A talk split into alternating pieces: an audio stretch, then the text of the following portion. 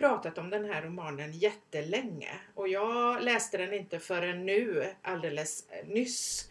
Precis i början av pandemin läste jag den eh, här för då tyckte jag att den kanske kunde vara lite spännande då. Men varför, vad kom det sig att du läste Pesten första gången? Ja, men det var så här att jag av en slump som det naturligtvis ofta är med böcker och så så dök jag på en bok som jag av en eh, författare, eller hon verkar vara lite allt möjligt faktiskt, men Lena Kron heter hon, en finsk författare. Eh, den heter Pennan och maskinen och det är en essäsamling. Ja, den handlar egentligen om, ja, det rör sig kring det här med skrivandet men också om teknik. Eh, pendlar lite grann mellan de här två ämnena kan man säga. Och i den här boken då så finns det en essä som handlar om den här första meningen.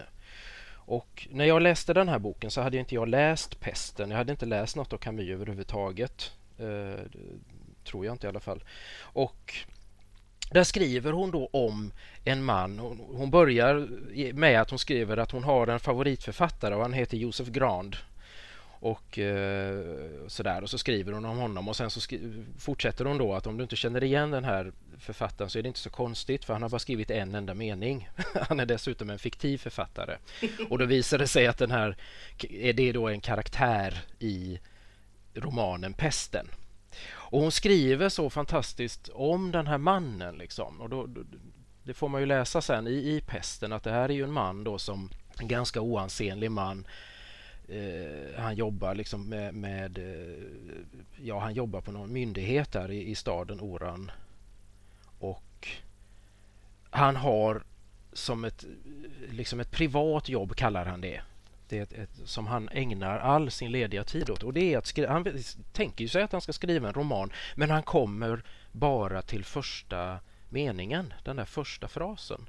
Och varför hon hyllar honom i den här essän det är ju det för att hon menar att han han gör det här, han tar det på fullt allvar. Det här som varje författare, varje skrivande människa måste på något sätt ta sig förbi den här första frasen. Och hur gör man det? Frågar sig Lena Kron. Hon menar ju egentligen att det finns ingen som kan göra det med äran i behåll. För att du, du måste lämna så många möjliga alternativ bakom dig eh, oprövade. just det. Just det. Eh, mm. och, och, det är ju lite roligt då därför att jag har hört att det då finns en bok eh, av Jenny Maria Nilsson om mm. Albert Camus som heter Varken offer eller bödel. Okej. Okay. Uh, han, hon har läst hans dagböcker och brev och sådana saker. Uh, sånt som han liksom inte publicerade under sin livstid utan, utan som var liksom hans egna funderingar och sådär. Och då är det, jag kommer att tänka på det när, när vi pratar om gran här för att eh, på ett ställe då så har han skrivit då i ett brev till en vän så har han skrivit Albert Camus har skrivit Min tillvaro är baserad på idén om att jag har något att säga och att när jag har sagt det kommer jag att bli befriad från allt. Så mm. Jag tänker att det mm. finns en del av Camus i Josef Gran. Absolut. Eh, man vet ju inte vad den här boken ska handla om utan det är ju precis som, som man förstår då som hon skriver om Camus själv. Han, Josef Gran tycker, han har ju någonting, han vill berätta någonting, absolut. Och han tänker sig att får han bara ordning på den här meningen så, så är det som att då ska allting mm. bara lösa sig liksom. Och då är det ju den här då liksom och det är he, helt liksom vad ska man säga? Alltså vi får aldrig någon förklaring på varför han vill skriva Nej. just om detta. Och det är någonting om den här Jag har hittat den här. Har du den där? Kan du läsa den? En vacker morgon i maj red en elegant amazon på en magnifik fux genom Bois de Boulognes blommande, blommande alléer. Just det. Och det, det, här tycker, det här är inledningen. Och får han bara ordning på det här, hur han ska formulera detta, och han ändrar och han fixar och det är kommatecken och han funderar på om om, om det ska vara en magnifik fux eller om den inte ska vara magnifik. Och, och det ska vara om, om eh, han, och han, han byter ord, de blommande alléerna i Bois de Boulogne eller Bois de Boulogne-skogens blommande alléer. Och så här håller han på. Och det roliga då, min, min absoluta älsklingsfras i den här boken överhuvudtaget, det är ju just detta att han tänker sig då att när han har liksom på något sätt formulerat den här första meningen så kommer manuset och så ska han skicka in det till, till ett förlag och då ska redaktören läsa detta och han ska resa sig upp och säga hatten av mina herrar. Ja, det är jätteroligt. För då har de fått in manusets manus. Alltså det, han har, det, det är så otroligt stora visioner detta. Va? Och, och, och den här då kommer vi in på nästa karaktär då, Dr. Rieu som eh, är ju berättaren i Pesten. Han försöker liksom här då på något sätt i sitt stillsamma tanke föreställa sig det här då på redaktionen när de ska resa sig upp och han ska ta av sig hatten. Och... Men han har en liten fundering och det sitter de ändå inte barhuvade på redaktionen. Det är jätteroligt. Han tänker, han tänker så här.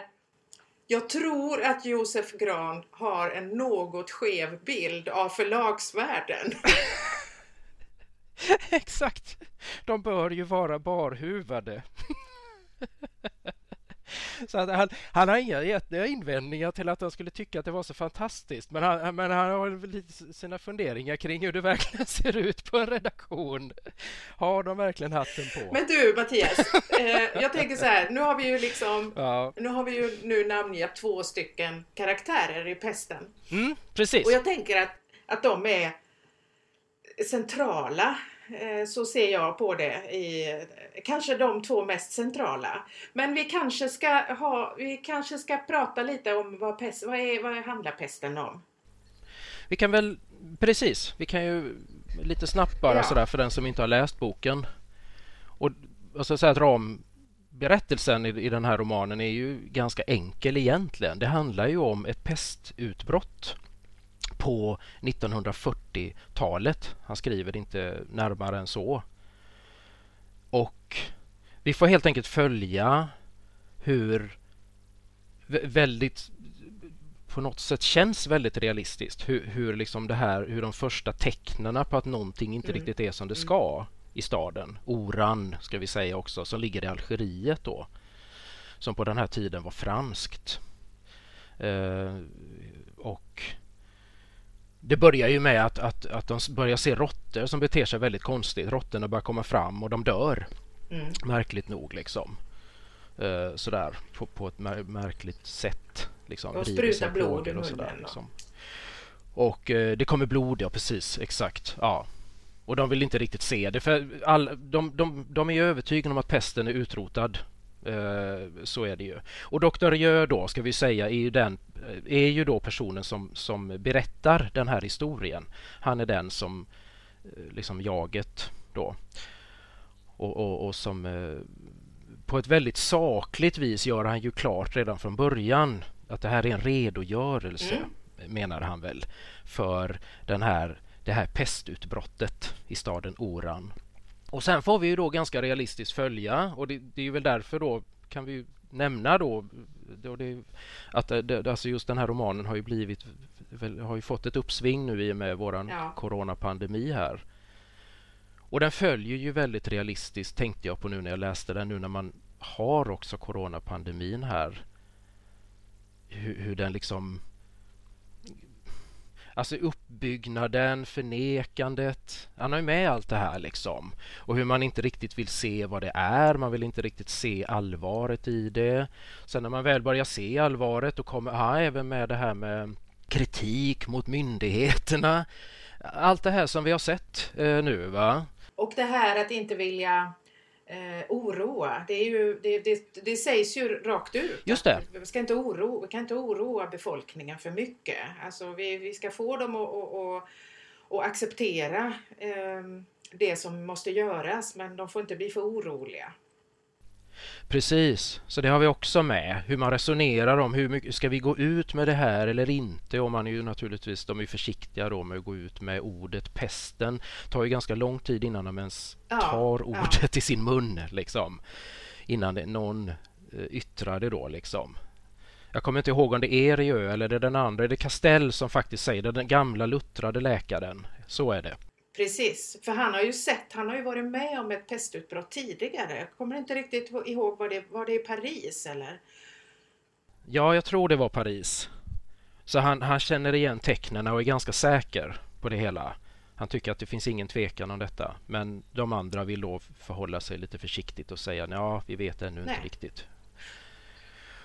Och sen då till det här att de stänger ner hela stan. Så det är, det är där vi hamnar då. Ja, en liten bit in i historien så stänger man hela staden Oran och de som är där får helt snällt stanna kvar och de som är utanför kommer inte in. Det är en stad i karantän helt enkelt. Och sen får vi följa liksom hela förloppet här, hur, hur, hur, det här liksom, hur den här epidemin då, pesten bara ökar och folk dör eh, mm. i, i, stora mängder och mm. de mm. står maktlösa helt enkelt. Det, det finns liksom ingenting. så. Och sen så fortsätter detta och det är väl den här äldre doktorn Castell som tar fram ett serum. Kan man ju också då, som sagt, vaccinet idag kom, kommer efter ett tag liksom. Ja, nej, men för att jag tänker, det var, tyckte jag också var spännande att det fanns ju ett serum om, i Frankrike. Mm. Som, I Paris var det väl. Eh, som man då ja. kunde skicka efter. Och det var ju innan, det måste ju ha varit innan ja. den här nedstängningen då, för sen kom ju inget varken in eller ut. Men, eh, och då skickade de efter det och då var det ju så, för det första fanns det väldigt lite så det räckte ju ingen vart. Och för det andra då så var det inte riktigt anpassat till just den här pestbakterien. Och det är också ganska rolig parallell till, till det vi upplever ja. eh, här ja. nu idag. Liksom. Ja, det är, alltså det är väldigt likt. Och, mm. och med coronans mm. nu virusmutationer och brittisk och, och brasiliansk och alltså allt det här liksom. Och även där oron som vi har idag då att, att det vaccinet som vi faktiskt har nu då att det inte ska bita på de här nya mutationerna. Och precis samma frågor brottas de med här i oran då va? Ja visst, visst. Och, och att, att, att de på något vis eh, är, när de pratar om det här så är de på något vis ganska resignerade. Alltså de som arbetar med det. Rieu, Castell ja. och den här andra Ricard ja. finns det ju en läkare mm. också som heter va.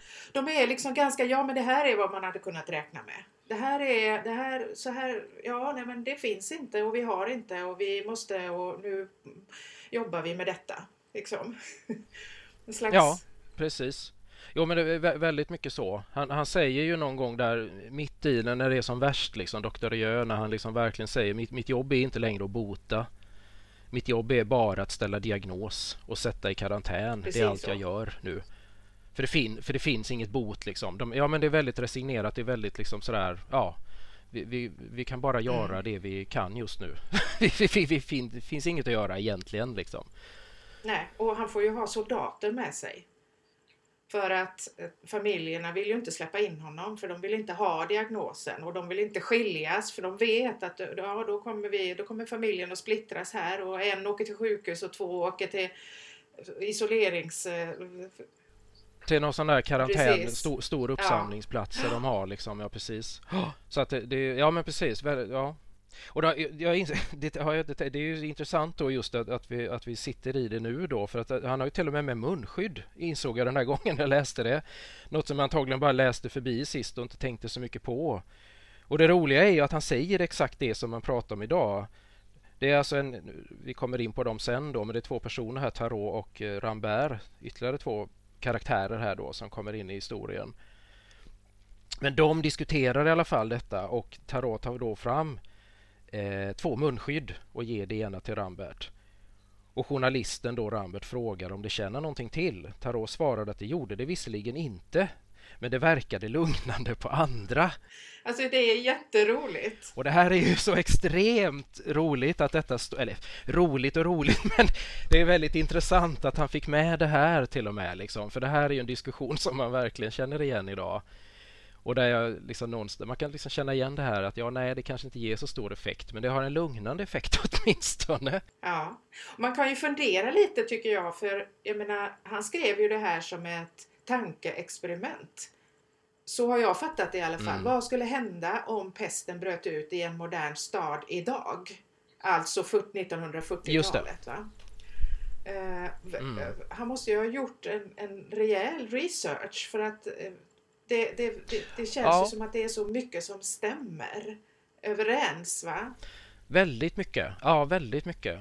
Och det förstår man ju också i och för sig för han har ju en han har ju en ganska ordentlig genomgång av eh, alltså hur man har skyddat sig genom tiderna. Alltså tillbaka ja. historiskt sett. Mm. Va? Var, Just det. Ja, med olika typer av, av masker och, och så, skyddskläder och sådär. Va? Vad Precis. man har använt sig av. Eh, så att, ja. Men jag tycker också en sak som är spännande tycker jag. Eh, det är ju, för det har jag funderat mycket på nu när jag läst. Va? Det är ju att eh, vi har ju då det här med social distansering i vårt land. Så har ju man inte liksom gjort lockdowns riktigt på något vis egentligen. Mer än att man liksom har, har, äh, äh, har begränsningar på hur många personer man får vara när man samlas och så. Va? Men annars så har ju liksom det mesta, ja, man har ju försökt hålla det mesta öppet och så har man då eh, mm. pratat om, om social om distansering och, och sådär. Va? Um, och sen tänker jag på andra länder då där man har gjort lockdowns. Alltså jag menar nu där mm. man eh, har, eh, jag vet att jag i somras pratade jag med en, en person som hade varit i tror att det var i, en, i Spanien under deras lockdown och då var det ju så att man fick ju inte gå ut utan man fick ju man fick gå ut liksom man hade jag kommer inte ihåg nu riktigt men att man hade liksom en gång om dagen fick man gå ut i ett visst antal minuter. Så har ju vi aldrig haft det men så blir det ju inte heller i, i åren.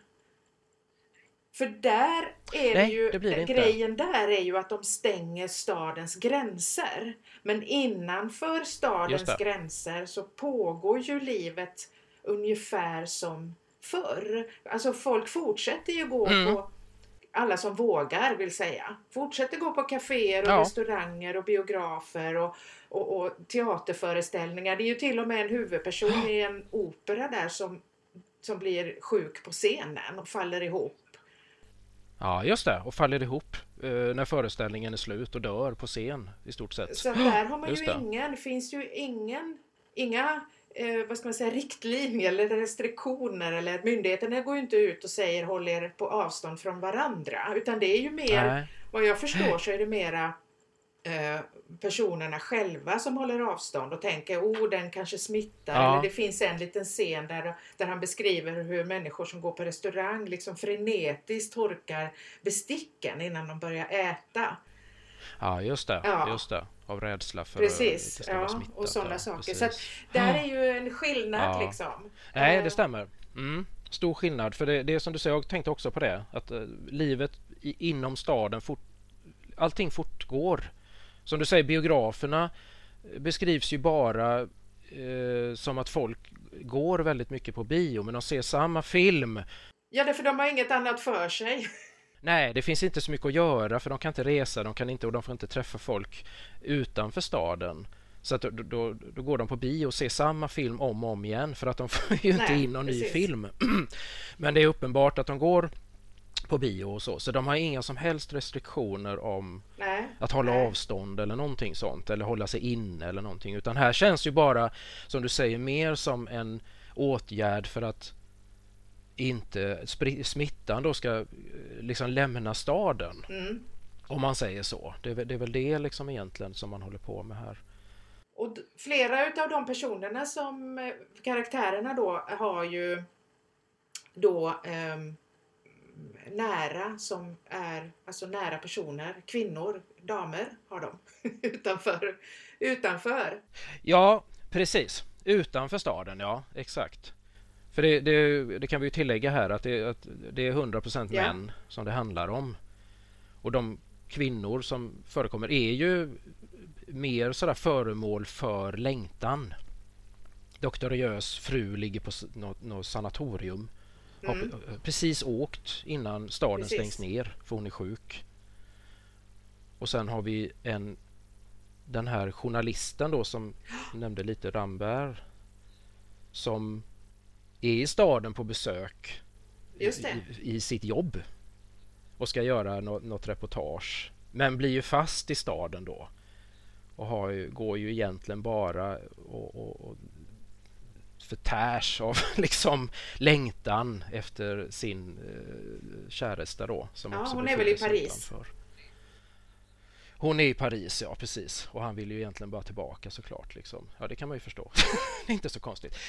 det kan man förstå. Det är ju, det är ju spännande att följa hans, hans, eh, hans tankar. Och... Han har ju spännande utveckling. Ja. Ja, därför att han, alltså, han tänker ju bara på detta hur han ska komma ut ur stan. Ja, precis. Han är ju en av dem, om, om, om vi nu ska... Vi har ju, jag kan bara säga det att vi... Ja, fortsättningen på boken är ju egentligen bara att vi får följa förloppet tills det lägger sig igen, kan man säga, för att avsluta liksom bara. Där är ju själva ramberättelsen liksom.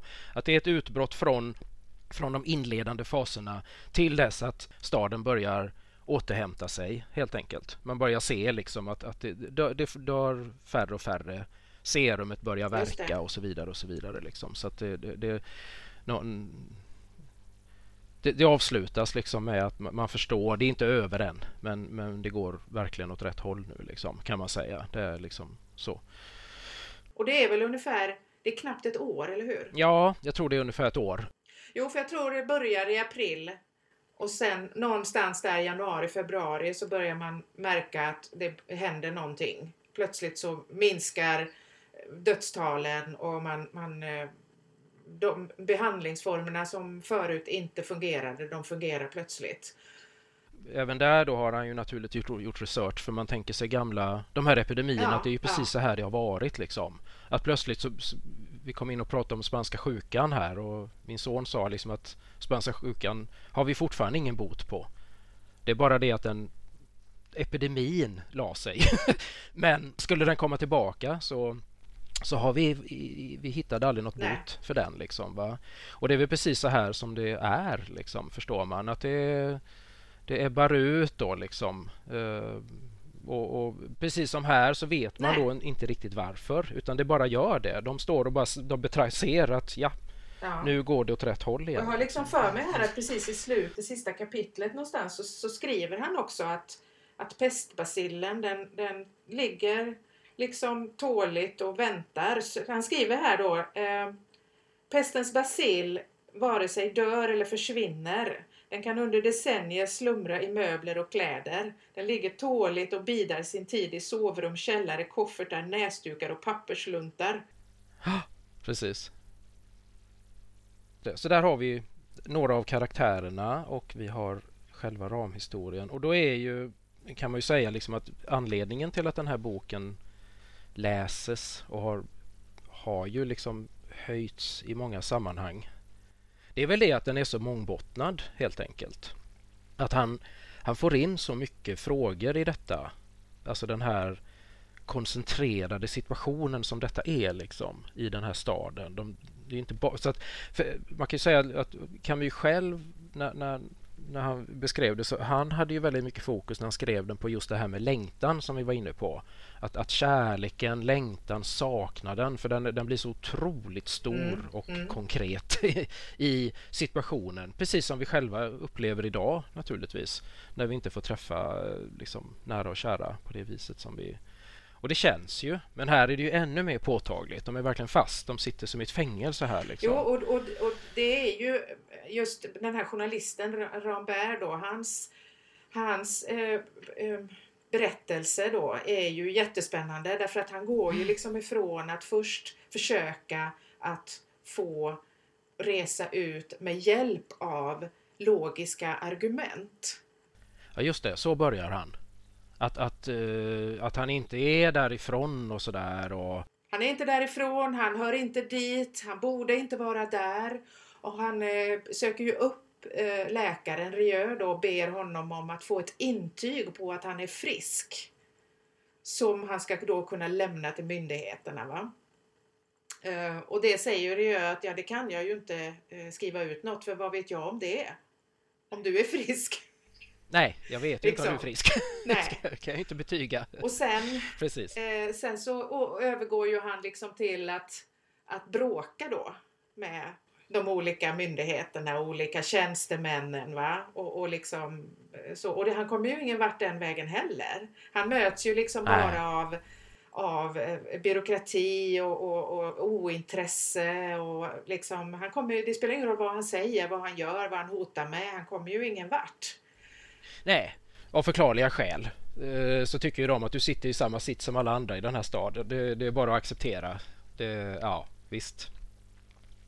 Men till slut så ger han ju sig in i kriminella kretsar då. Det är väl, det är väl liksom sist, hans sista hopp där liksom. Att, att, att försöka bli utsmugglad ur staden.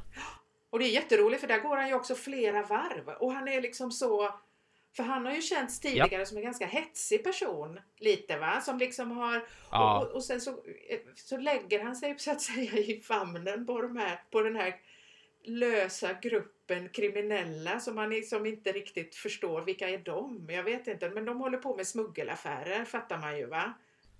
Ja, så långt förstår man ju. Eh, precis. Spanska namn tror vi konstaterade. Eh, bland alla frans spanska namn bland alla franska namn så är, så är det här liksom uppenbarligen då spanjorer på något sätt. Och de får man ju inte veta någonting annat om än ungefär lite hur de ser ut, Nej. att de röker. Det är någon som spelar fotboll får mm. man ju veta där på slutet här. Att det är någon av dem som, är, som saknar fotbollen ja. väldigt mycket och som tycker att det skulle vara fräckt att få göra det igen. Men väldigt engagerad i fotbollen, ja, stämmer.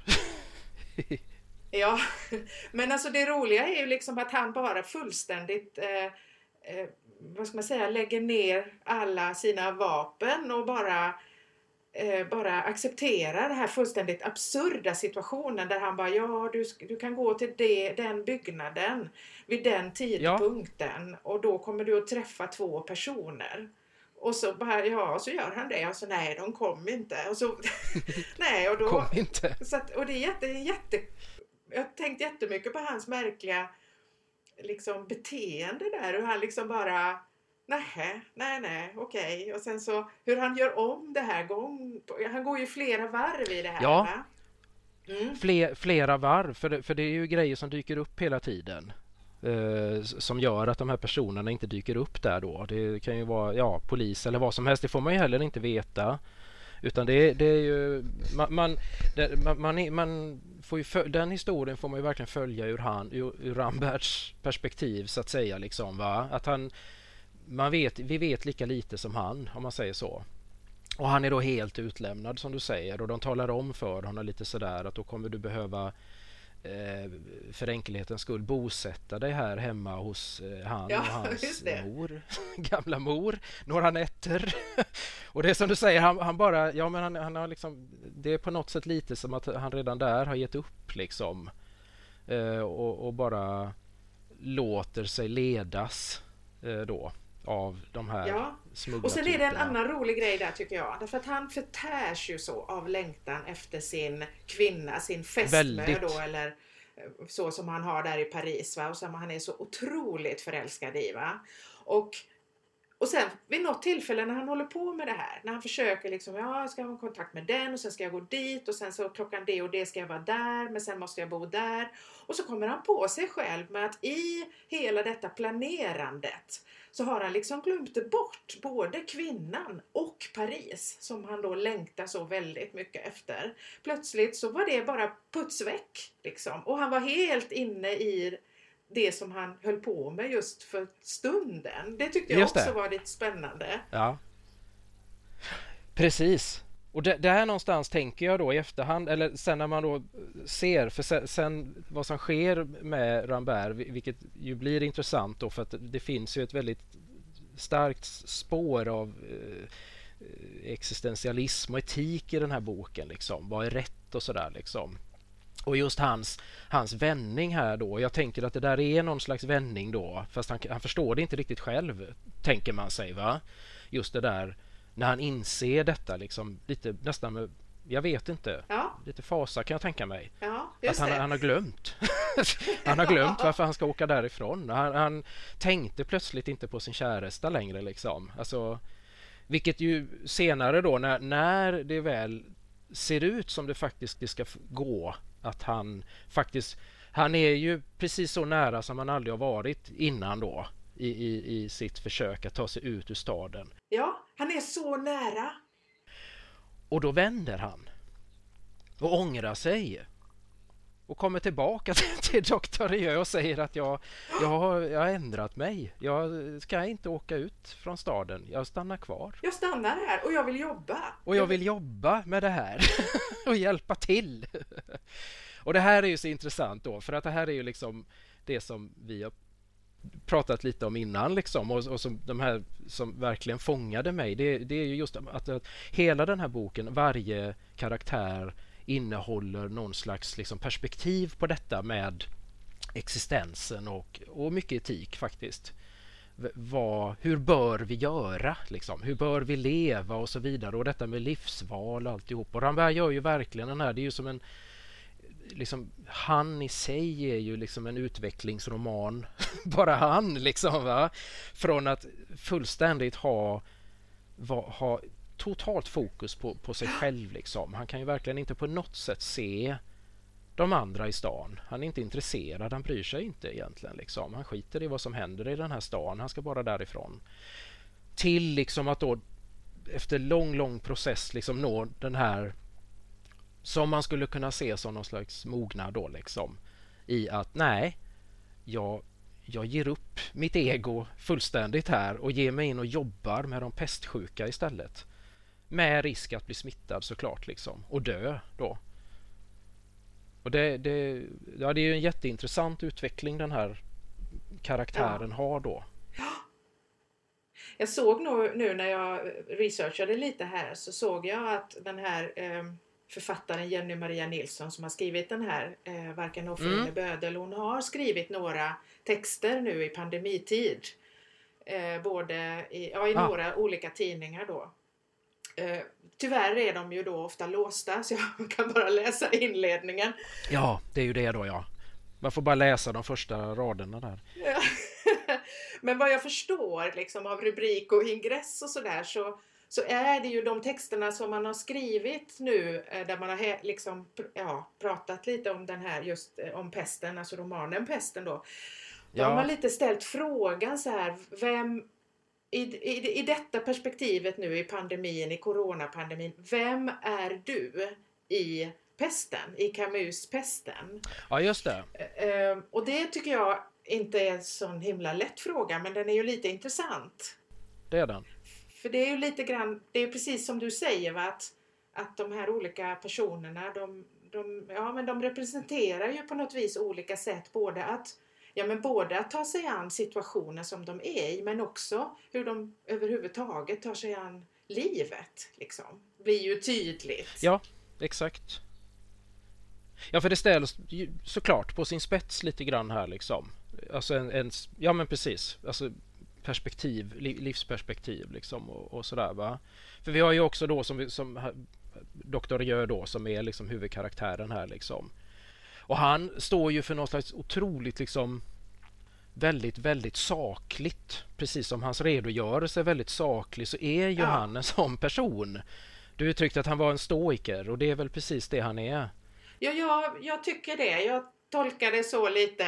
Alltså han, han har ju en väldigt stoisk hållning för hans inställning är hela tiden jag är läkare, jag jobbar och gör det jag kan som läkare och det är det jag kan göra och det, och det är också det jag ska göra. Han är otroligt liksom, ja men sådär saklig eh, och eh, det är något ord där som jag söker, Nej. men det spelar ingen roll. Och, för det som är intressant också är ju att han, eh, hans historia med, med, sin, med hustrun då som är sjuk och som har åkt till sanatorium uppe i bergen då är ju en parallell mm. till Rambergs historia kan man ju säga för att båda har ju då sina kvinnor ja. långt borta. De kan, får ingen, de kan inte ens de får inte ens skicka telegram för så strängt är det. För man vet inte riktigt. Tänk om pesten Just det. Eh, finns i, i pappret. Liksom. Så ingenting går ju mm. fram, varken ut eller in. Va? Så hon, han vet ju inte hur hon mår. Han har ingen aning om hur hon... Han vet att, att hon är svårt sjuk. Men han uttrycker ju ingen... Eh, ska man säga? Han uttrycker ju... Ja, han uttrycker knappt ens någon oro. Det är som att han liksom Nej. tänker att ja, ja, hon är sjuk, det är som det är, hon är där, förhoppningsvis får hon eh, den hjälp hon behöver. Vid något tillfälle vet jag att han tänker, eller om han säger det till någon, att ja, jag kanske önskar nu att jag, skulle, att jag hade kunnat vara hos min hustru därför att jag hade kanske kunnat hjälpa henne i att, att bli frisk. Det kanske, kanske hade varit en hjälp för henne att ha mig där. Men det är liksom det enda, annars är han på något vis väldigt eh, ja, ja, stoisk i sin, i, i sin inställning till liksom att ja, hon, är här, hon är där och jag är här. Mm. Och det är som det är. Jag kan inte göra något annat åt det nu. Eh, ja, precis. Och jag tror till och med, jag tror inte han säger detta till Rambert utan det, jag tror det är Tarot eller någon annan där som talar om för Rambert att ja men Dr. Rio har sin, sin hustru uppe i ett sanatorium liksom och sådär va. Så han, nej som du säger, det här är någonting som, han går inte in på det här överhuvudtaget alls. Han bär sina känslor liksom men, men vi får inte riktigt ta del av dem så att säga. Han uttrycker ingenting av det. Han är väldigt Nej, han, han har totalt fokus på, på sitt yrke bara liksom. Han lägger all kraft där. Precis.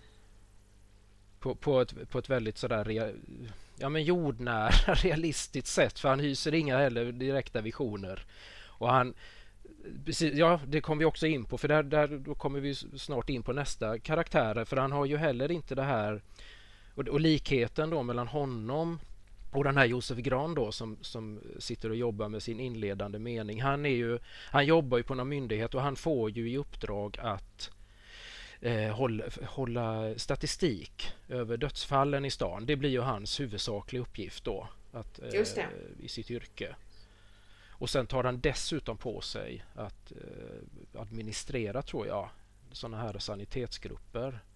Så han har ju liksom en enorm, bara i sitt yrke som, som, som tjänsteman har han ju liksom ett jätteviktigt arbete. För det är genom honom de kan ha, eh, ha, ha liksom någon slags kontroll över pesten hur utbredd den är och, och, och, själva statistiken över det hela. Liksom.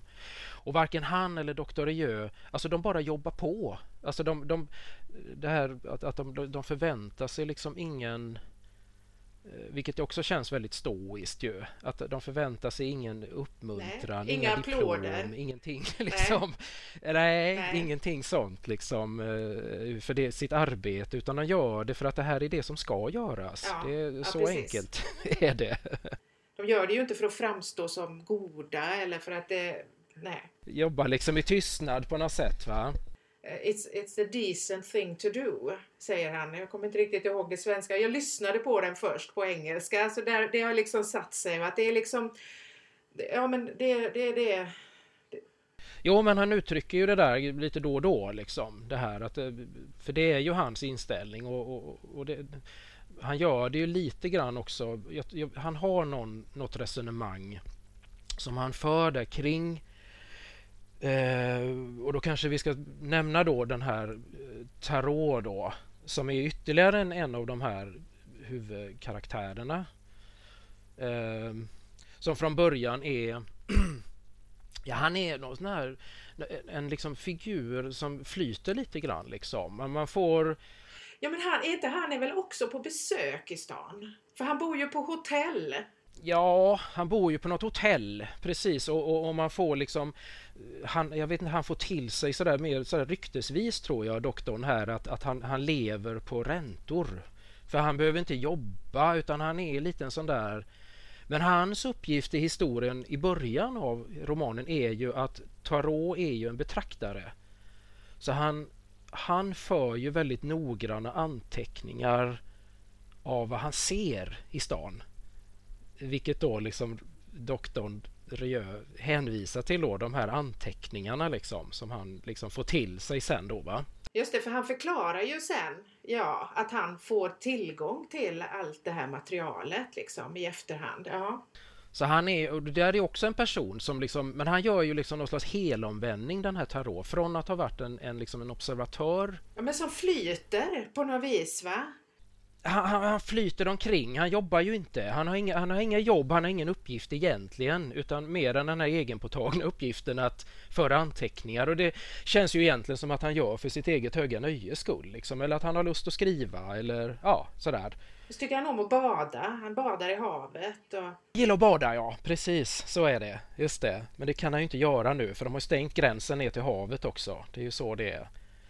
Men så kommer jag inte Jag blir lite osäker nu på hur han och Rieu träffas. Men de får ju kontakt på något sätt i samband med någonting. Men de blir ju i alla fall vänner.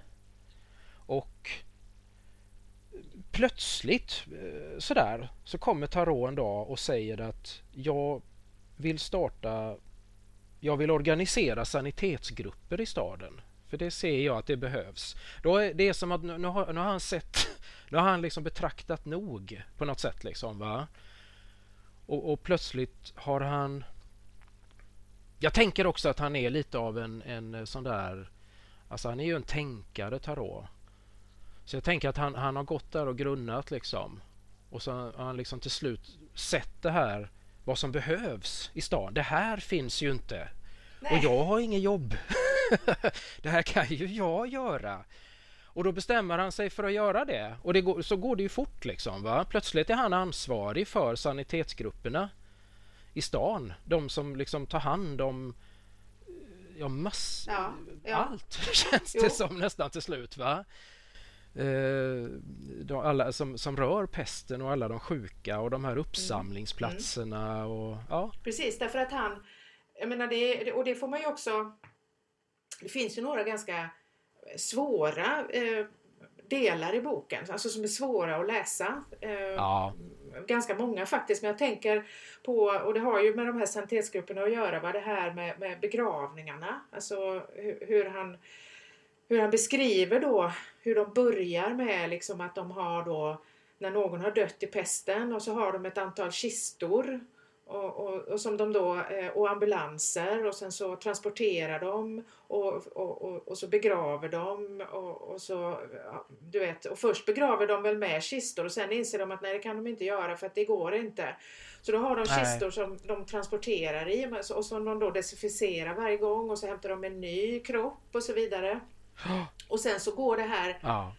Nej men och till slut så, och så ja nej men det, vi, det finns ju inte gravplatser så det räcker. Det här, det här funkar liksom inte va. Och, och då, um, då, då, börjar man ju då med att begrava i grupp liksom. Um, men man transporterar ju fortfarande väldigt snyggt va och försöker verkligen värdigt. Och... Mm. Ja man är noga med värdigheten hela tiden jättenoga med värdigheten va och sen då så, och, och, men man begraver då, så börjar man begrava liksom i, i grupp, Eh, alltså flera kroppar i samma grav. Så här, men då är det väldigt noga att det ska vara kvinnor för sig och män för sig. Liksom. Sen måste man kliva över det också för det funkar inte heller. Och man måste börja och, och, och transportera dem också i, i grupp. Alltså, ja. Och det slutar ju med liksom att, de, att de har det är en förfärlig bild, alltså de har någon form av spårvagnar där de liksom lägger in kroppar i, i drivor liksom och kör då genom stan. Va? Ja. Genom stan, ja. Ja, det är, ja, det en fruktansvärd bild. Och, alltså. och den är också, det är så snyggt gjort alltså, därför att det är så sakligt beskrivet ja, det det. så att man liksom, eh, mm. det är inget frosseri utan man men, men det blir ju, det går ju rakt in igen. Verkligen. För man ser det framför sig. Man bara tänker, ja visst så där blir det förstås. Mm. Tänker man. Mm.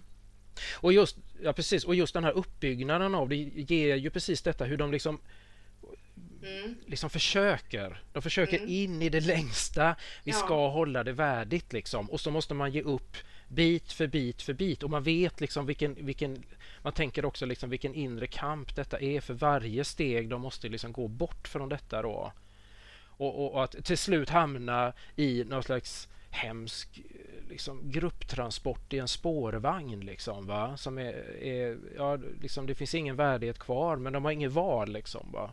Och man vet hur det här måste kännas för dem som ja. ska hantera det här. Liksom, som, som då... Men precis, och, och de anhöriga hålls ju på mer och mer avstånd då. Så det finns någon bild också, jag vet inte om det är när de transporterar med bil eller om det är med spårvagnar, men där, de, där han beskriver då hur de anhöriga liksom har ställt sig strategiskt på en bro för att de vet att nu kommer det ja, en transport det. och så kastar de ner blommor på taket. Så va? slänger de ner mm. blommor där ja.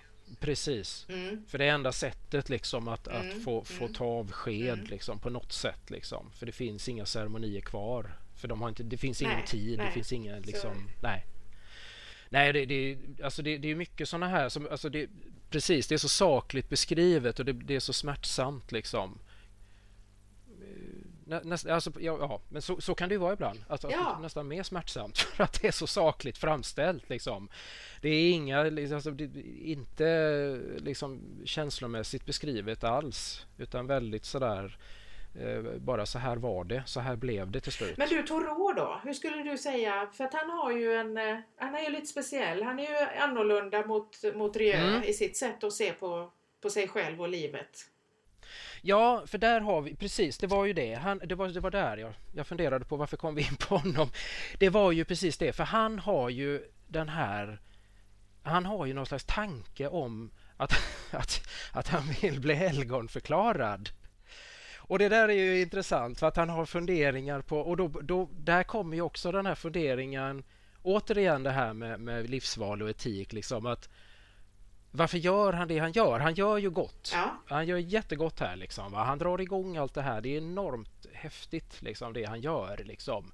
Och, och snart är, är liksom, nästan varenda karaktär är ju på något sätt inblandad i de här sanitetsgrupperna. Då. Alla går in i detta liksom, till slut eh, av olika skäl. Men han har liksom någon slags han frågar ju Rieu liksom om, om, om man kan bli helgonförklarad. och sådär va, och hur det går till och eh, kan man bli det efter sin död och sådär. Liksom. Så han har, han har ju no, någon liten sån där baktanke att han vill ju bli upphöjd. Det, det är ju tydligt liksom. Han vill ju få eh, no, no, någonting liksom tillbaka av eh, sin godhet här, sin, sin eh, uppoffring. H helt klart de blir ju väldigt goda vänner. Ja, de umgås. De, de till och med tar sig igenom någon... någon uh, jag tror det gör de. Han utnyttjar sin ställning som läkare och, och tar sig igenom uh, gränsen och de tar sig ner till havet. Och badar, ja. Uh, vid något tillfälle och badar liksom. För det här är ju Taros mm. mm. passion han har då liksom att bada i havet. så de, de, men, de, är, de är ju väldiga motsatser Eh, just när det gäller den här inställningen till varför man gör det man gör då. Precis. Och jag tycker ju att det här kapitlet där, eh, där Thoreau kommer till doktorn Theurieux då och föreslår då att han ska få organisera de här frivilliggrupperna då va. Just det. Så säger ju han Theurieux, säger han så här för myndigheterna, de klarar inte sådana saker. Vi måste göra det. För det, ja. Nej, det. Och, och, det leder ju då till att de har ett ganska långt samtal om just det här som du har berättat om nu. Mm. Va?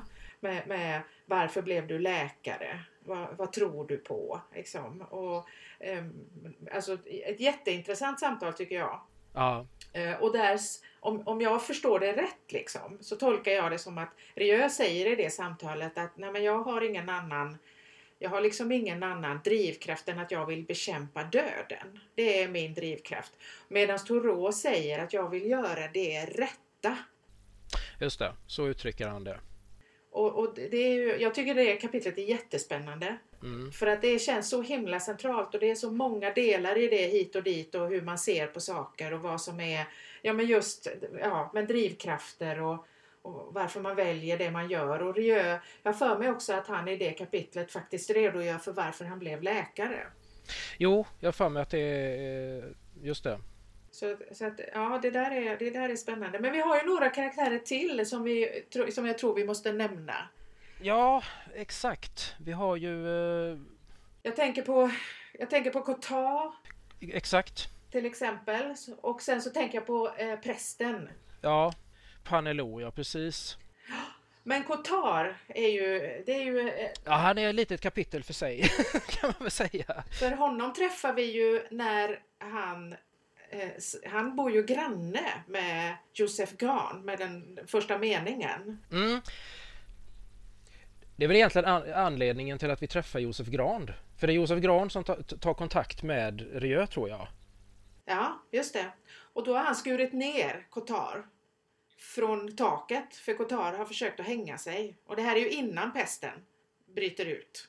Ja, Det här är precis i början av, av boken. Det, det, är liksom när, när de, jag, jag tror att Rieu ser någon råtta på väg. Mo, när han ska, han ska till Cotard och se hur det är med honom. Och då ser han att det ligger någon råtta eller två där i trappuppgången när han går upp där liksom. Och, och, och portvakten förnekar bestämt att han skulle ha råttor i huset. Det, det finns inte, inte, absolut inte. Han, han, är helt, han övertygar ganska långt, håller han på och... Ja, men det är ju slynglar. Det är bus, det är ungar, slynglar som slänger in råttor här. Tills någon liksom får sådär, ja men tror du verkligen att de skulle slänga in råttor där inne i förrådet längst in? Så han liksom får på något sätt börja förstå att nej, kanske inte. Nej. Sen är ju den stackars portvakten den första som dör i pesten. Han är den första som dör i pesten faktiskt, ja precis. Han, han, får, han har ju en, en ja, tråkig roll där. Men Cotard då, han, han, han försöker ju ta sitt liv, förstår vi ju sedan. Ja. För att han har ju någonting som han är väldigt rädd för. Det är någonting som han... Eh, eh, ja, han är rädd för någonting helt enkelt. Han sitter illa till. Ja, Ja. ja det gör han. Precis. Jag, jag, måste bara nämna det här då, för det här liksom att, att för, eh, Josef Gran då som är, är, eh, håller på mycket och skriver och sånt där, liksom han, han har ju då liksom pennor och kriter och då berättar Josef Gran att Cotard har ju varit inne hos honom, som annars är en väldigt så här, tillbakadragen man som man tydligen inte varken ser eller hör så mycket, förstår man, av honom. Och lånat kritor och anledningen till att Josef Gran överhuvudtaget har gått in till Cotard det är för att han har det här är så dumt. Det är så galghumor. Och jag, jag, alltså jag, jag får såna här, jag får någon slags relation, eller jag, jag, kan inte annat än referera till Kafka liksom, för att det är lite samma humor det här liksom va. För han har alltså skrivit med rödkrita på sin dörr. Eh, stig på, jag har hängt mig. så, det är så fruktansvärt bisarrt detta. Man undrar lite vad vill han med det här liksom? Vad vill, ja, jag vet inte. Vill han varna? Vill han, vill han bli hjälpt? Vill han bli räddad? Ja, men det är så. Ja, det, det är fantastiskt. Det är jätteroligt. Och du vet, jag tänker på Monty Python. Det där är en scen ur Monty Python, tänker jag. Ja. Just det, exakt. Stig på. Väldigt artigt liksom, va? Trevlig inbjudan. Jag har visserligen hängt mig, men ja, Ja, du är välkommen ändå. Ja, nej men det är riktigt, så han, han, man förstår ju det liksom att han, han han, eh, det finns ju en anledning där till att han, att han eh, har velat Ja. ta livet av sig helt enkelt. Och sen ja. kommer pesten, så överlever ju han. Därför att Josef Gran räddar ju honom och, och plötsligt så säger han nej, han vill absolut inte ta livet av sig. Det var bara en tillfällig liten sne, ett snedtänk liksom, säger han då. Ja, Ja, dumt liksom. Han skäms och tycker det hela var, det var bara dumt, barnsligt gjort liksom. Ja, och sen, och sen i samma ögonblick nästan så, så, så blir det ju så, så, händer, alltså, så, så, så slår ju Ja, pesten till på precis. riktigt och det blir en väldig oro Mm. i sta- och allt ställs på ända. Och vad händer med Cotard då? ja han, han liksom, ja det är ju det, han blir ju lycklig liksom med detta. Märker man liksom va? Att han, han, han går ju igång. Han blir, Josef Gran då som är den som beskriver Cotard, liksom, han, han beskriver ju att plötsligt så ser man Cotard ute och prata med folk och är, han är högljudd och han, han är liksom Ja, han gör sig vän med folk till höger och vänster. helt på tvären mot, mot den personen som Josef Gran tror sig liksom känna här då liksom. Och så pratar han, så träffar han, jag träffar ju Rieu, så säger, senare sen så säger han Mm, mm. Oh, det här kommer att hålla i sig länge va? Ja, han är sån, åh, han, han verkligen liksom, han gnuggar händerna och han är nästan sådär lycklig över liksom, nu, nu händer det grejer här i staden liksom. Men man förstår ju att det är rent egoistiskt. Det finns ju inget riktigt ont i honom att han vill människor illa utan det handlar ju om att han hoppas ju att det, den jobbiga situationen han är i den ska, nu, den ska nu bara glömmas bort och falla och, och det, den ska aldrig mer Ja. nämnas. Han ska aldrig mer behöva liksom, Precis. konfronteras med detta besvärliga som, som han har, har då eh, försatt sig i. Va? Ja. Nej, för det, det framkommer ju sen, lite senare sen, liksom, att han är, han är ju tydligen då misstänkt för något brott. Jag, jag tror aldrig riktigt det... Vi, vet, vi får aldrig riktigt veta vad det är han har gjort liksom, men vi förstår ju att det är ett ganska allvarligt brott. För han riskerar ju fängelse och kanske ännu värre än så till och med. Det, det är liksom, han, han, är, han är väldigt, väldigt rädd för domen. Så det är ju som du säger, man, man förstår ju honom sen då liksom att han det här är, han får ju en frist här liksom. Han förstår ju det att under den här pestepidemin så kommer de inte ha tid med, med att, att döma mig och hålla på med, med, med vad jag har gjort. Liksom, va? Och det som är roligt med det tycker jag är ju att han är jätterädd för det här eh, eventuella straffet då. Men han är inte rädd för pesten. Han är inte rädd för att bli sjuk, han är inte rädd för att dö. Han tänker inte på det, verkar inte tänka på det överhuvudtaget. Nej, inte någonstans. Han, han, eh, han sysslar med helt andra grejer. Och han går ju till och med så långt väl så att han, han ger sig in i nya smuggelaffärer, har jag för mig. Ja, så kan det vara. Ja, så kanske det är. Mm. Eh, jag har för mig att det är så att han, han, eh, för han, han det är inte nog med att han får en frist utan han ser också möjligheterna här liksom. Att här, här finns ju chans att tjäna pengar. Så han gör sig en rejäl hacka här under pesten på, på eh, smuggelaffärer. Kanske i tanke att jag är ju redan, alltså jag väntar redan på min dom. Jag vet inte. Man, man får ju inte riktigt sådär klart för sig hur han tänker men eh, han, han, eh, vad ska man säga, han är ju den som utnyttjar situationen till max skulle man väl säga liksom va? För, eg för egen vinnings skull då liksom.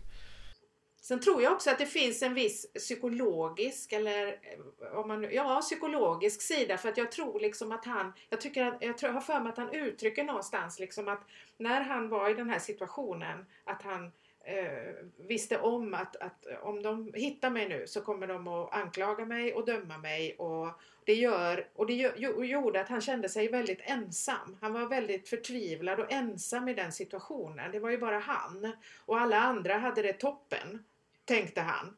Men pesten, den drabbar alla lika och då är, är inte han ensam längre. Det är min, det är min tolkning. Liksom. Ja, ja, precis, precis. Därav hans, alltså den här glädjen och, och, och den här viljan precis. att skaffa sig vänner plötsligt. Mm. Som, mm. som han får då, ja. Precis. Och jag tror du vet. För att, ja men precis, där är vi. För, och, det, och, det, är också en sån där som du säger, alltså in, inför de här stora grejerna precis som nu i Corona så är vi där, där jämnas det ut. Och det är också en sån här intressant existentiell tanke att in, inför pesten eller inför Corona, där är vi alla lika liksom va, oavsett.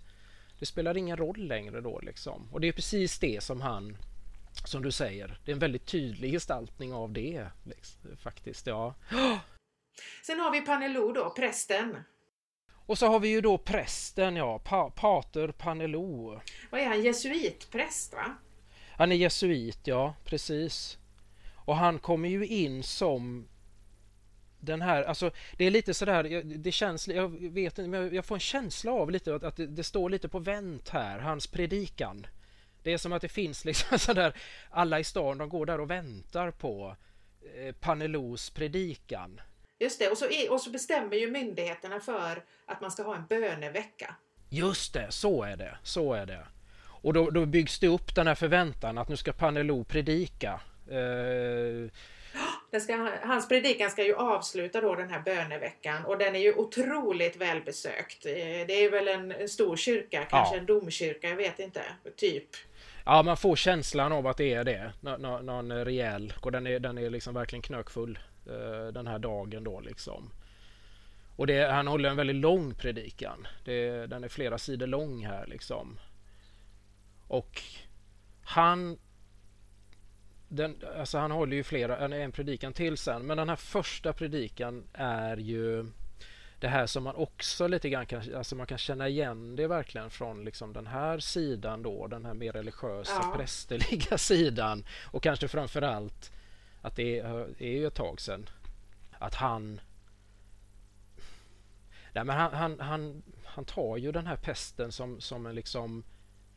Att nu, nu måste ni besinna er. Jo, men han säger ju... Det här är, är ju... Alltså, ni måste, alltså det här är, är ett tecken, liksom, va? från, från Gud. Han, är ju, han, han menar ju att sjukdomen är rättvis. Och att den, den drabbar inte alls ja. urskillningslöst säger han i sin predikan utan han, han menar ju att, att Nej, det stämmer. Alltså han, Jenny Maria Nilsson skriver här, han är opassande upprymd får man förstå. Därför att pesten bekräftar att hans system är sant. Och, så, och, och han, han inleder predikan med att citera ur Andra Mosebok och så upplyser han församlingen då att farsoter drabbar de som vänt sitt ansikte bort från Gud. Och plågan har sänts till dem för att straffa de förblindade och högmodiga. Och det är ju det han talar om för sin församling där va? Ja, så att jag vet inte riktigt, man, alltså det, man får ju känslan av att folk går dit för att få tröst men de får, de får ju liksom en, en riktigt, riktigt eh, traditionell gammaltestamentlig straffpredikan över sig. Liksom, va? De får sin dom. I, i, jag vet inte hur länge han står där och orerar men, men man förstår att det är väldigt länge. Alltså, lång, lång predikan är det. Och, och, ehm, Ja men precis som hon säger där, ja, eller skriver som du säger att, att han han är väl också en av dem som tror jag fast av andra syften då liksom. Lite upprymd ja. Att ja, så här, se vad jag har sagt. det här har jag försökt tala om för er. Exakt. Under hela min gärning, hela min prästgärning har jag försökt att tala om det här för er. Nu ser ni hur det går. Precis. Och sen eh, är han en av dem som står vid den lille pojkens säng. Ja, och det är ju en scen som, apropå smärtsamma scener, men det är väl den scenen som, som jag tycker är den, är, den är så hemsk, den är så fruktansvärd. Den är... Den är ja, den, den är, ja, den är fruktansvärd. För det, det, finns så många sidor i detta, för det, det, är, det är då domare Åtons son detta. Eh, domare Åton har inte någon sån här jättestor roll. Han kommer och går lite. Han, han är någon slags representant för myndigheterna kan man väl säga. De andra blir lite sådär tyst. Nu, kom, nu kommer domaren när de står och pratar. Men annars har han ingen sån här väldigt stor roll. Men, men hans son då drabbas av pesten och är en av dem som Ja, men han är väl först, tror jag, med att få det här serumet som Dr. Castell har tagit fram. Och, och då, han domaren har liksom godkänt det här då, han och hans fru, att de får testa det här då, för de vill ju naturligtvis göra allt för att deras son ska överleva. Och här är egentligen den enda scenen i boken där vi på riktigt får följa liksom dödskampen. Ja. Uh, hur det inte för, eh, för, vi får ju mycket symptom under bokens gång liksom med bölder och så vidare och ganska äckligt är det ibland. Men, men här får vi följa liksom den här outhärdliga dödskampen hos ett barn dessutom. Liksom. En liten pojke, jag vet inte riktigt hur gammal han är men han är ju inte gammal. Och det värsta i det hela som blir så ännu hemskare är ju då att det är inte nog då liksom att han inte överlever utan att han dör och han har en, en, en uh, fruktansvärd dödskamp förstår man här liksom full av ångest och smärtor liksom. Utan till råga på allt så visade det sig att Dr. Castells serum då inte på något sätt hjälpte honom utan den förlänger lidandet. Alltså den drog liksom bara ut ja. på det. Mm. Hela förloppet. Så den förmådde bara kämpa mot pesten så att det blev en längre dödskamp än vad det hade blivit innan. För det hade har de ju sett då, liksom Rieu och dem, liksom, hur det brukar se ut. Och här uppehåller de sig ganska länge hos den här killen då liksom. I alla fall, ja, hur, hur mått mätt hur det brukar se ut. Om man säger så. Det är väldigt hastiga dödsfall förstår man när det väl sätter in. Men här här känns som de håller på i alla fall ett dygn liksom, om inte mer. Och Panelo han faller ju i bitar här. Ja, han är ju med här då. Står med. Och här är ju liksom på något sätt kring den här killen eftersom det här är avgörande så befinner de sig här, den här inre kretsen lite grann liksom. Det är Panelo, det är Dr. Jö, jag tror han är med Tarot. Så, och Castell, ja precis. Det är liksom de här och de står kring den här pojken och kan ingenting göra liksom mer än bara betrakta. Och Panelo, prästen, Ja, ja, han faller i bitar kan man han, säga. Ja, precis. Han, han, går ju ner på knä där och ber. Allsmäktige Gud rädda detta barn, säger han. Ja, precis. Och, och, där någonstans, ja precis, där, där, vänder det ju då liksom. Va? För han, han, han, det är ju tydligt att han får inse liksom att den här, den här straffpredikan som han höll, liksom, det, det här det håller ju inte. va För frågan som, de, som jag vet, det, kom, det är väl sen när han och, och Dr. Rieu har ett samtal efteråt. Och det är väl en av de få gånger när Rieu faktiskt uttrycker känslor. Är ju just inför detta liksom. För där ifrågasätter han ju inte bara Pater Panelov utan överhuvudtaget Guds existens. Vilket blir ytterligare en, en dimension i den här romanen då liksom. Att, att liksom frånvaron av Gud liksom. Att hur kan du taget säga att det finns en Gud? Va, vad har den här lille killen gjort för ont menar du? Hur har han kunnat synda? Mm. Och Panelo har ju inget svar på det. Och i och med det så faller ju hela hans... Eh, allting han står på faller ju. Eh, och, och Panelo dör ju. Han blir ju sjuk och dör. Och, men han, håller ju, han hinner ju hålla en predikan till. Han har en predikan till som av någon beskrivs som att han han menar på att han, han gränsade nästan till kätteri tror jag. Någon efteråt menar liksom att, att eh, det där var väldigt, väldigt vågat sagt av Panelo. För han ifrågasätter ju då liksom Guds godhet eller vad man ska säga liksom. Ja, och jag, är det inte så till och med liksom att han ber om ursäkt för den förra predikan? Ja, ja, det är nog så. Att han tar, han, han tar tillbaka det där liksom. Va? Jo, men så är det. Och sen så, så, blir han sjuk. Och då kallar han inte, då söker han inte läkare. Nej. Och när han väl gör det, då är det för sent. Eller när de, hit, de upptäcker honom, väl, är det väl? Ja, så är det väl. För han har ju någon där som, ja det är väl hon jobbar väl där, hjälper honom. Och hon försöker ju förmå honom att mm. uppsöka läkare och han vägrar. Då är det för sent. Men det som är intressant är ju att eh, det är inte, de är inte säkra på att det är pesten han dör av. För att i, när, han, när de ska dödförklara honom så skriver de tvivelaktigt fall. Tvivelaktigt fall skriver de på honom, ja. Så de vet faktiskt inte riktigt, nej. Just det, så är det. Ja, för, och Jenny Maria Nilsson har skrivit här passande ord. Eh, prästen dör av ett överraskande tvivel. Ja, ja gud, just det, precis. För hon skriver så här, Panelos system är hans livsuppehållande mekanism, alltså trossystemet. När det smälter samman så gör också prästen det.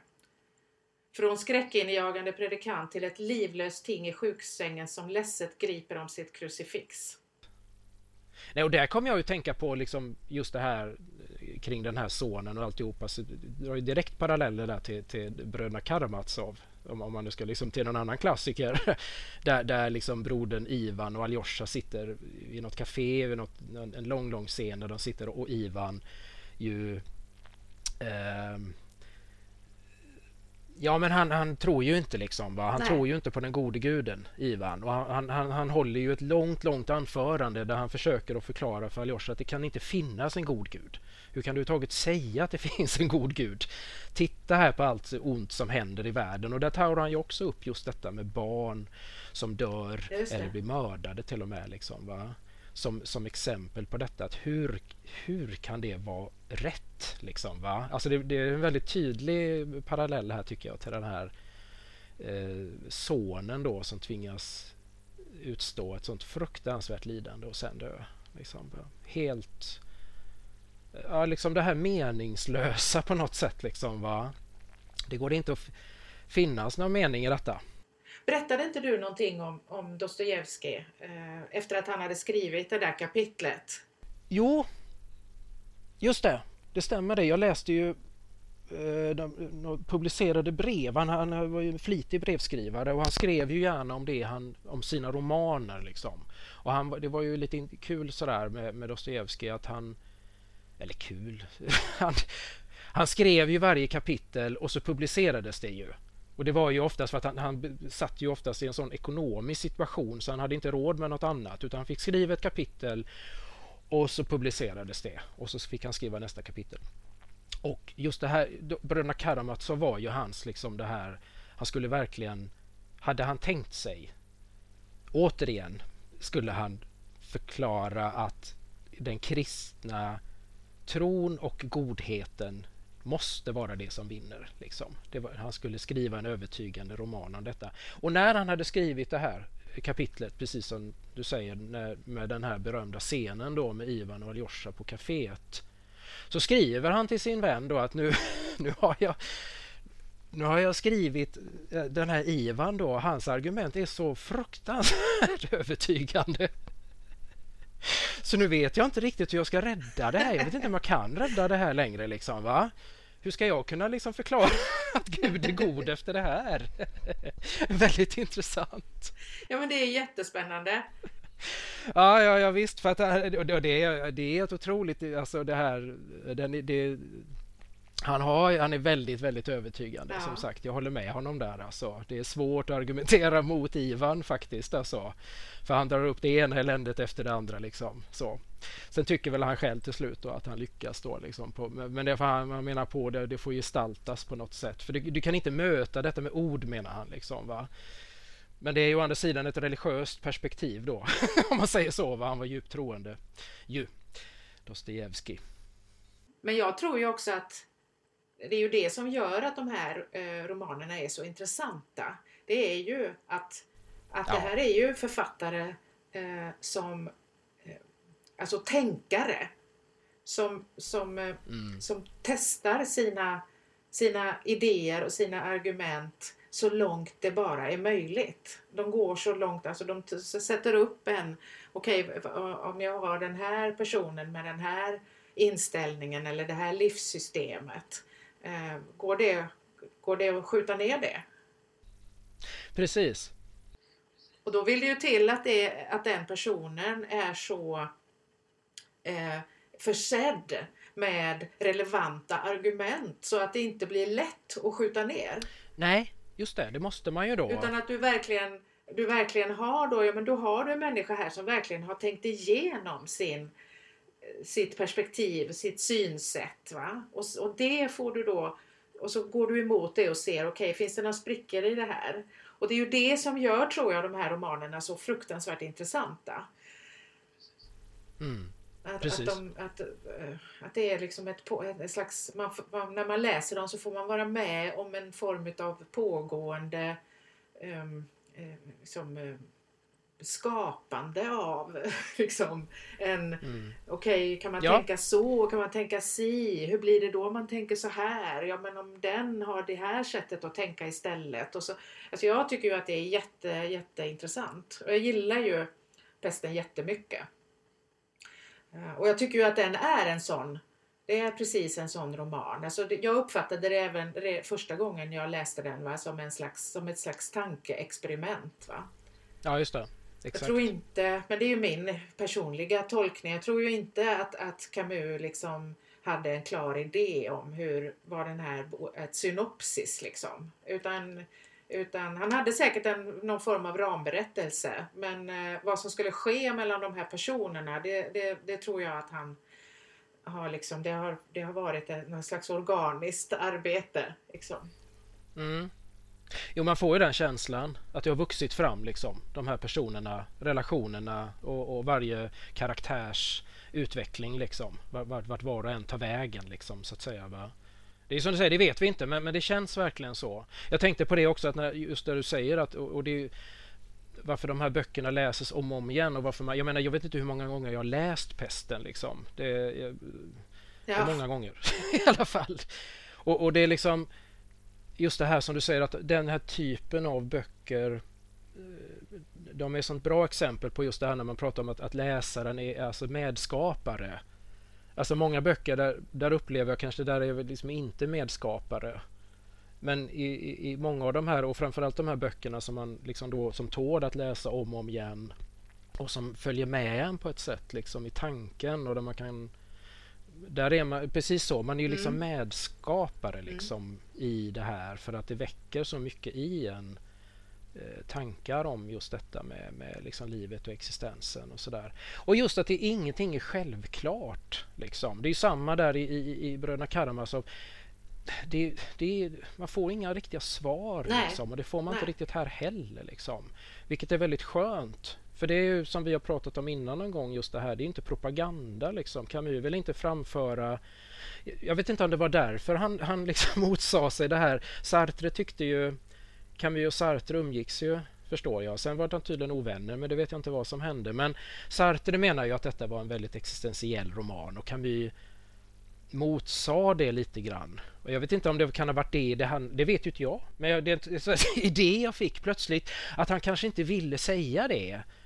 För det är inte, det här är inte en filosofiroman där jag ska föra Nej. fram existentialismen. Utan det här Ja, för han, han framhöll ju det här då med relationer och saknad och, och mm, mycket mm. annat i den här romanen då liksom som är på, liksom, kan man känna när jag, eller som jag tycker i alla fall, som är på lite annan nivå, där de bitarna som jag inte lägger så stor vikt vid kanske liksom när jag läser den då. Medan allt, allt det här existentiella då. Men jag menar det kanske fanns en avsikt med att han faktiskt inte ville sätta det epitetet på den här romanen. Just för att ja, du ska kunna vara medskapare. Det ska inte vara så att det här är ett, ett existentiellt manifest utan eh, mm. det, kan, det kan vara det. Nej, och, och, det behöver och, inte vara det. I, i den här boken då, då Jenny Maria Nilssons bok då, så mm. Man förstår här, alltså gång på gång så, så, så, så, skriver han i sina anteckningar, sina dagböcker, sina brev och så vidare att han är liksom inte mycket för det här med, med dogmer och, och, och grupper. Han tycker inte om att tillhöra grupper. Han tycker inte om att Nej. bli, bli Nej, liksom, eh, etiketterad in i något fack eller sådär va. Och, och han Precis. var ju väldigt, um, han förde, han jobbar ju som journalist och förde en, en kamp verkligen för, för journalistens rätt att så att säga vara eh, liksom oberoende eh, i, sitt, i sitt rapporterande. Va? Eh, och vid något, på något ställe här så berättar hon också att han tidigt i sitt liv då var medlem i kommunistpartiet och det gick ju inte alls. Nej, för att han, det funkar, han funkar nog inte och, och då kan jag tänka mig, då kan jag förstå det här liksom att ja men varför vad, det är det här med ord, va? är du existentialist? Ja, vad, vad menar du med det? Vad, vad, vad, inne, vad skulle det innebära? Om jag säger ja på det, vad är jag då? Ja, liksom det... ja och det ja. förpliktigar ju då genast liksom va? Och då finns det massa Precis, saker jag inte ja. kan skriva kanske. För då avviker du från din eh, ja. existentiella ideologi. Eller existentialistiska precis, ja. ideologi heter det ju. Men ja, för att, precis som du säger, så fort du sätter etikett på någonting eller sig själv så måste man på något sätt svara upp mot det ju inför sin omgivning. Precis. Så, så att jag tror liksom att det, det, det finns nog jättemånga anledningar. Liksom. Det är ju ett, det, är ju det här ja, men jag tror den tänkande och skrivande människa liksom många gånger har en, ett behov av att skaka av sig det här som andra lägger på en. Va? Och säga, har du en sån? Nej, det är jag inte. Nej, det är jag inte alls. Jo, men titta här. Du har ju skrivit så här och så här. liksom, ja. Nej, säger han. Jag har skrivit om kärlek. Ja, precis. Ja, nej men ja, mm, så, så det, det, Ja, men det tror jag. Så det är intressant tycker jag. Sen tänkte jag också på det här, så vi nämnde ju det i början här lite grann om, om eh, att det är alla de här männen. Nu har vi ju gått igenom alla de här männen. Ja, just det. Jag, hade, jag skrev på Instagram eh, att vi höll på med den här och då var det två vänner till mig som eh, direkt skrev så här. Ja, den, den har jag precis läst eller den håller jag på att läsa nu, sa de båda två. Och de, jag frågade vad, vad tyckte ni då? Och, och då var det ju just det. Båda de eh, sa då, ja det var ju mycket män. Män som tänker. Ja. som tänker, ja. Eh, och, och den ena hon bara, jag vet inte, jag kunde inte riktigt hålla mig vaken hela tiden. Eh, men jag tycker ändå den är intressant att fundera på om vi inte ska ha den i bokklubben. För det kommer säkert att bli diskussioner. Precis, precis. Och, och det är ju Ja, det, för jag menar det behöver ju inte nödvändigtvis vara dåligt. Det är ju inte, det är inte bra att man somnar men det säger Nej. ju någonting. Liksom. det behöver ju inte nödvändigtvis betyda att den är väldigt tråkig. Det kan ju betyda också att den är lite svår. Att man, du vet, att man... Jag tänkte säga det. Ganska, att det kan upplevas som lite massiv på något sätt liksom va? För det tycker jag nog. Det är, min, det är min upplevelse redan från början. Det var, alltså jag glömmer liksom aldrig, den upplevelsen får man ju aldrig igen. Men jag glömmer ju aldrig den gången jag läste den här boken första gången. Att det var precis det här. Ja. Ja men det var, det var otroligt massivt. han var så tät. Jag har sällan varit med om något liknande faktiskt när jag läst en bok från början till slut. Jag var helt hypnotiserad liksom. Va? Av att befinna mig här i den här staden. Det var... Det var oh! För det, det, är den verkligen alltså. Och det kan ju vara som du säger. Det kan ju också vara en anledning till att man inte riktigt orkar. Liksom. Att man får ta den bitvis. Även om den inte liksom... Jag, jag skulle väl är, jag vet inte, det, det, är individuellt, men jag tycker inte liksom språket är inte så där komplicerat. Han är inte liksom, han skriver, det är ett ganska bra flyt och så.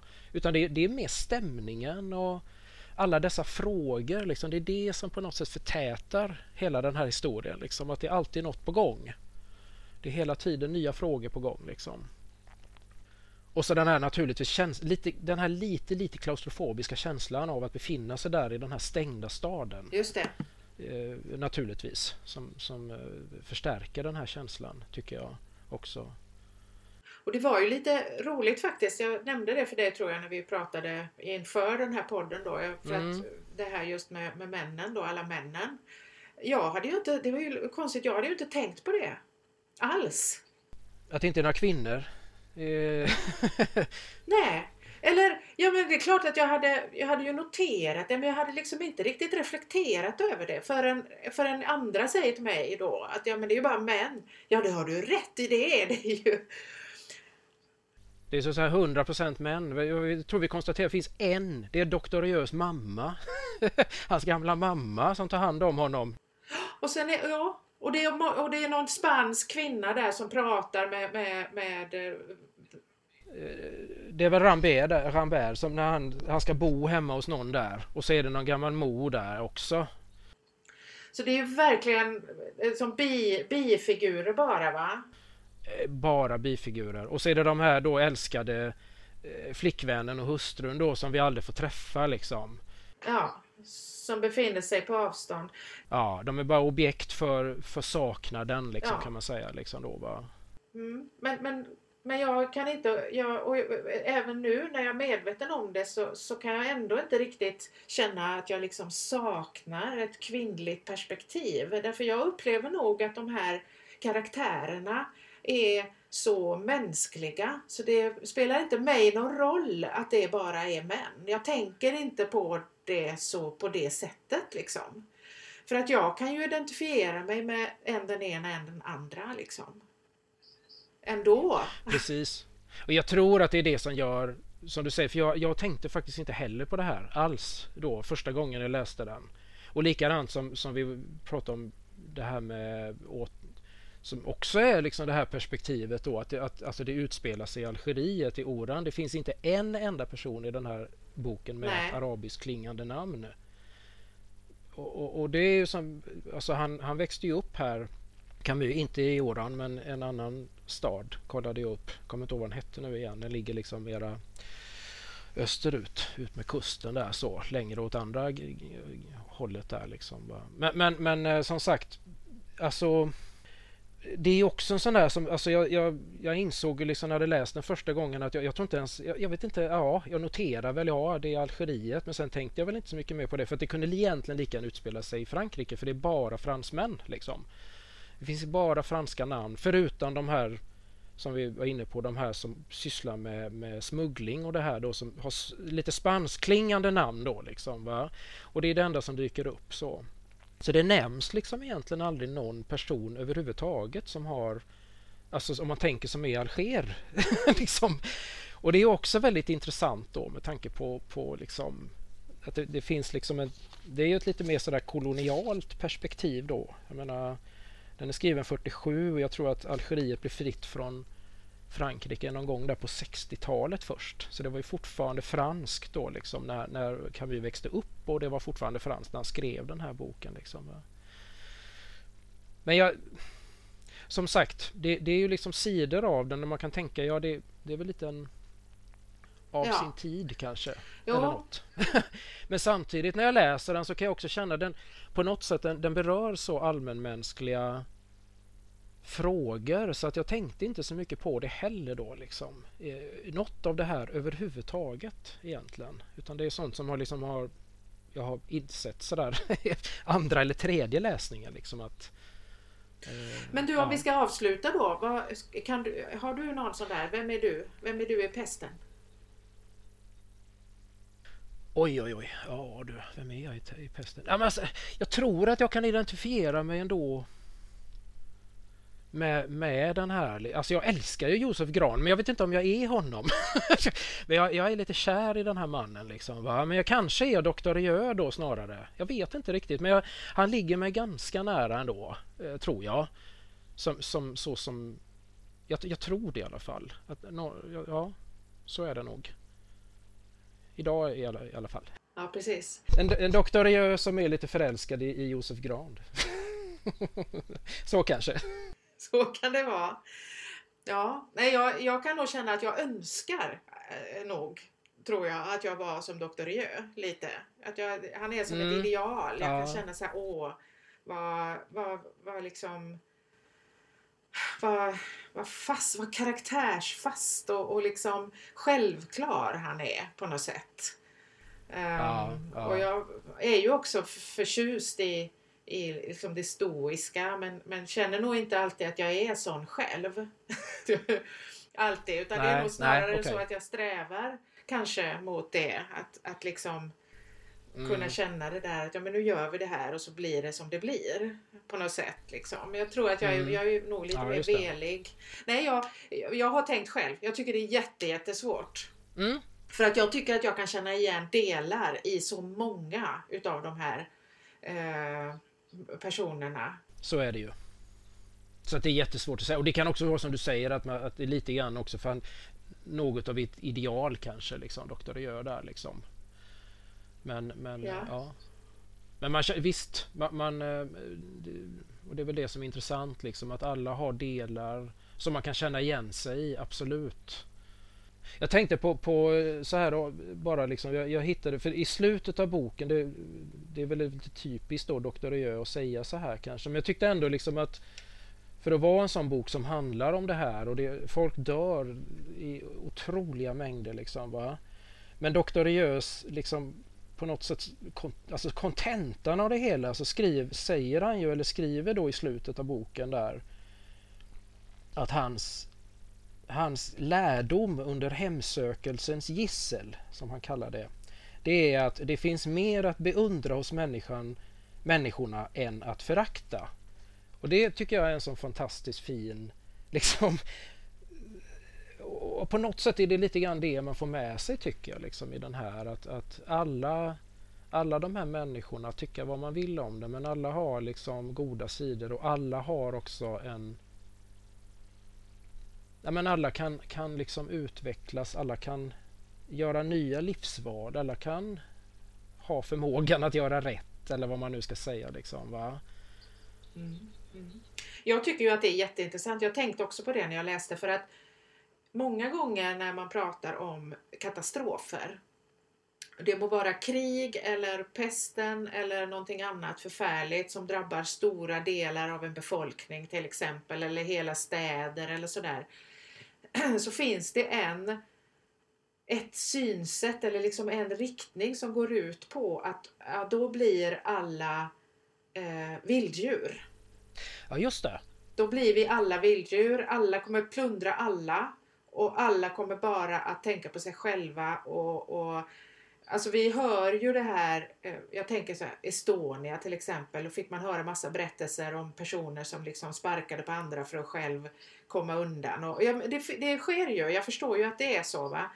När man, eh, jag jobbar ju lite grann med krisberedskap och så och en av de grejerna då som man tar fram då det är ju hur fort går det från det att elen försvinner till dess att plundringarna börjar. Och jag säger inte att det är falskt, att det är fel, för det sker säkert. Men det sker också massa andra saker. Och det, menar, det, finns, det nämns plundringar i, i pesten också. Och människor som beter sig illa och sådär. Men det är ändå inte Riös eh, avslutande slutsats att när katastrofen drabbar då blir vi vilddjur, då blir det kaos. Eh, absolut inte. Hans lärdom är ju precis det motsatta snarare. Ja, och det tycker jag väldigt mycket om faktiskt. Ja, det, det är liksom en sån fantastisk sammanfattning av, av romanen och, och, och jag tycker även liksom nu då under, under våran pandemi att jag tycker man har liksom sett det här även om vi nu inte upplevt något fullständigt Nej. katastroftillstånd så som de gör här liksom va. Så tyckte jag ändå ganska snart att jag fick det här att liksom innan coronan kom så var det så väldigt mycket prat om det här liksom att åh, vi, vi står i, inför ett samhälle, vi är på randen till en katastrof, Ja. systemkollaps, hela samhället är på väg att upplösas, vi, ingen bryr sig om den andra. Och sen jag tycker jag liksom ganska snart efter att liksom restriktioner kom in och allvarligt i det hela kom in så börjar man ju se liksom att nej, det var ju, liksom, det är precis tvärtom. Ja. Det vände väldigt fort. Plötsligt så visade det sig precis vilken enorm liksom, eh, vilja till, till att hjälpa varandra som fanns i samhället. Eh, och, och, och ställa upp och handla och fixa och se till. Alltså, ja, det här som man pratar om, för precis som du säger den här bilden av det och den är ju ganska gammal liksom att vår, vår, vårt urtillstånd är egoism liksom va. ja, precis. Fast det kommer mer och mer liksom forskare idag som säger att det är inte sant liksom. För, för altruismen är precis lika stor om inte ännu större liksom. Det kanske är en ännu större drivkraft egentligen. Att se till att andra människor faktiskt har det bra. Utan att jag har ett eget vin, alltså egen vinning då liksom på det va. Så att det, det ja, nej, alltså, den, så att den har ju... Om man nu ska prata om någon form av budskap så, har, så att jag tänkte på det att den har ju ett väldigt fint budskap. Det är, det är en väldigt positiv bok för att handla om något så hemskt. Så ger den ju en väldigt, väldigt fin människosyn tycker jag. Och jag kan tänka att den är jag, skulle, jag rekommenderar den verkligen till alla faktiskt. För det spelar ingen roll, alltså eh, vi kom, alltså den har, en, den har så mycket eh, intressanta eh, aspekter och perspektiv och synsätt just eh, i situationer där saker och ting inte riktigt är som, som de brukar eller som vi är vana vid. Och jag tänker att eh, Precis. jag läste en bok här under året, eh, kanske något år sedan eller så, eh, utav Dan Carling och, som heter The End is always near. Och där tar han upp liksom alla sådana här olika typer utav katastrofer som har drabbat mänskligheten på olika vis. Då bland annat då just pandemier av olika slag, epidemier och sådär va. Uh, och, och han, det är en jättespännande bok som vi kan uh, prata om någon annan gång men, men uh, han, han, han, han skriver just om det här att, att det finns egentligen inget normaltillstånd, det är bara som vi tror. Därför att vi står alltid på randen till katastrofen. Ja, just det. Precis. Liksom. Och, och samhällen klarar katastrof. Enskilda människor dör men samhällen klarar katastrofer på olika vis. Ja. Sen det är ju jättehemskt att människor dör. Jo, såklart. Naturligtvis är det det. Ja, det är ju, det är ju en, varje död människa är ju en katastrof för den personens anhöriga och sådär men, men man får liksom se det lite från olika, olika håll. Så.